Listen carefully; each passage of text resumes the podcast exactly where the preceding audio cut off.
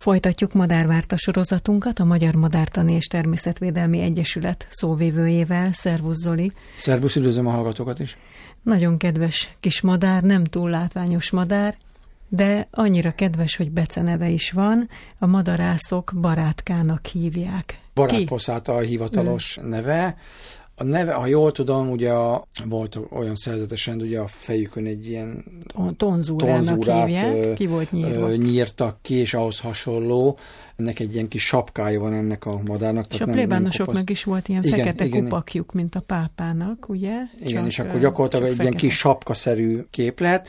Felhasználó barát ez a madár, mert az öreg hímek és a tojók elkülöníthetők. A hímeknek fekete a sapkája, a tojóknak pedig barna, de a fiataloknak is barna sapkája, de amikor elkezdik levedleni az első teljes tollazatukat, akkor már gyakorlatilag elkezdenek megjelenni a fejükben így ősz környékén. Egyébként szürkés barna, verébnél kisebb kis madár, tehát ezek a poszáták nem túl nagyok. Igen, az a klasszikus bokorposzáta termetű madár, valóban valahol a házi veréb és a mezei veréb között van egy kicsit ilyen nyúlánkabb formájú madár, Általában a legtöbb ilyen bokorposzát ez a Szilvia nemzetséghez tartoznak leginkább, nem túl látványosak, mert hogy általában benn mozognak a sűrűben. Viszont nagyon szép a hangjuk. Tehát a barátposzátanak hangja csak egy fokkal marad el a erősség tekintetőben a fülemüliétől, de egyébként nagyon változatos, és hát szerencsénk van, mert velünk együtt élnek a lakott területeken is. A magyarországi fészkelő állományt olyan 1 millió, 1 millió 110 ezer pára becsli a modell. Ez azt jelenti, hogy a barátposzáta benne van minimum a 10 leggyakoribb magyarországi madárfaj között, de most megmerem kockáztatni, hogy akár az első ötben is, mondjuk az ötödikként. Etetőre jön-e hozzám? Láthatom-e télen? Jó, bonyolult kérdés. Lehet rövid és hosszú távú vonuló is, tehát Afrika szubszaharai régióiba is elvonul, viszont vannak olyan évek, amikor meglepően sok áttelel. És olyankor megjelenik az etetőn, én etetőm is voltak olyan évek, hogy a 17. keretben megjelentek, és rájöttem arra, hogy a barátkának az alma a kedvence. Ugye rovarevő csőre van, nem tudja megbontani a napraforgót, nem tudja szétkalapálni a cinkegolyót, tehát amikor fagymentes napok vannak, és a fagyás után fölengedő kásás állagúvá vált almából egy barátposzáta egy nap majdnem egy egész almát megeszik. Ezért az ilyen gyenge csőr, pont a barátposzáta miatt dolgoztam ki azt a technológiát, javaslunk is, ajánlunk is, hogy mondjuk az ilyen Jonatán alma, tehát az ilyen nagyon erős héjú alma esetében, hogyha felszúrom az ágra egészbe, akkor vágjak az ág felé néző oldalon egy kis ablakot rá, egy kis szeltet vágjak le, és akkor úgy ki fog jönni a barátposzáta, hogy hozzá sem nyúl sem a héhoz, sem a csutkához, csak körülök kieszi teljesen. És mivel ez nagyon magas nedvességtartamú, szinte folyamatosan egy narancsárgát ürít is, úgyhogy egészen elképesztő, és akkor amíg van az almából, addig visszajár.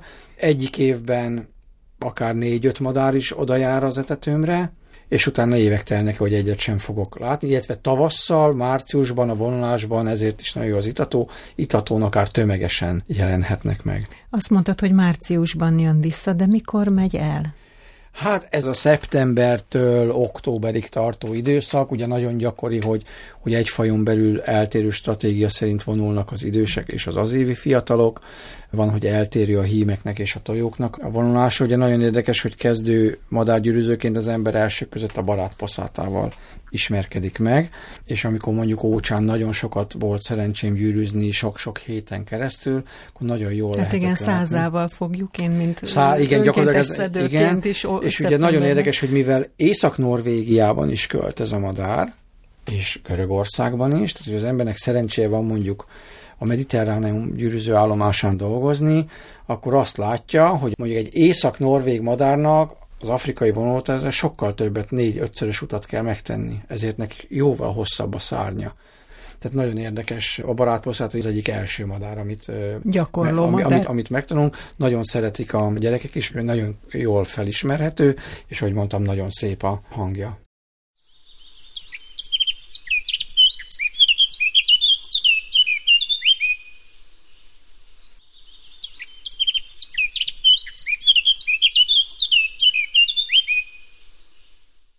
Érdekes, ahogy a fészkét építi. Alapvetően ugye a, a bokorposzáták, ahogy a nevük is mondja, ez ugye nem hivatalos név, főleg a bokor ágakra építik a szabadon lévő fészkeiket, de különösen lakott területeken, ahol sokkal kevesebb a bokros, akár fára is felmet. Ugye az az érdekesség, hogy a legtöbb énekes madár nem akkora fészket épít, amekkorára szüksége lenne, mert az nagyon sok munkába telne, ezért inkább az énekes madár fiókák többsége olyan 50-70 százalékos fejlettségi állapotban elhagyja a fészket, szétugrálnak még akár röpképtelen a környéken, és hanggal hívják a szülőket, hogy etes meg, etes meg, és éppen ezért, ugye, mivel a szülők ezt tudják, ezért nem is építenek akkor a fészket, tehát mondjuk 4-5 kifejlett, röpképes barátposzát a fióka el se férne a fészekbe. Nincs mama hotel. Van mama hotel, csak szétszort, tehát a mama hotel megy házhoz. Ugye ennek az a magyarázata, hogyha tele van fiókával egy fészek, minél több napon keresztül megtalál egy ragadozó, és az összeset elpusztíthatja. Tehát a lehető legkorábbi időpontban, hogy a szétspriccelnek a fiókák, akkor ennek az esélye sokkal kisebb, legalább egy-két fióka nagyobb valószínűséggel életben fog maradni. Ez az oka annak, amit mondjuk, hogy ne szedjétek össze kedves emberek a madárfiókákat, mert amivel találkozol, az a 95%-ban az nem árva, hanem ezt a dolgot hajtja végre, csak mondjuk ott próbál elbújni a járda közepén. Csak egy mondatban mit teszik? Elsősorban ugye ez a hosszú csipesszerű csőréből is látszik, hogy főleg rovarevő. Egyébként például a vonlása felkészülési időszakban, amikor a térségünkbe érik a bodza, akkor nagyon sok bodzát teszik. Egyébként pedig nagyon fontos szúnyogfogyasztó is, mert ugye egy csomó szúnyogfaj a nappal óráit, mondjuk a levelek fonákján pihenve tölteni, és amikor szépen megy végig a sűrű növényzetben, akkor úgy szépen szedegeti össze százával, ezrével, tízezrével. És így óriási hasznot is hajt számunkra, csak tényleg az a probléma, hogy a lakott területeinken azért nincs több fajszám és egyetszám tekintetében bokorposzát, mert nincs elég sűrű bokros.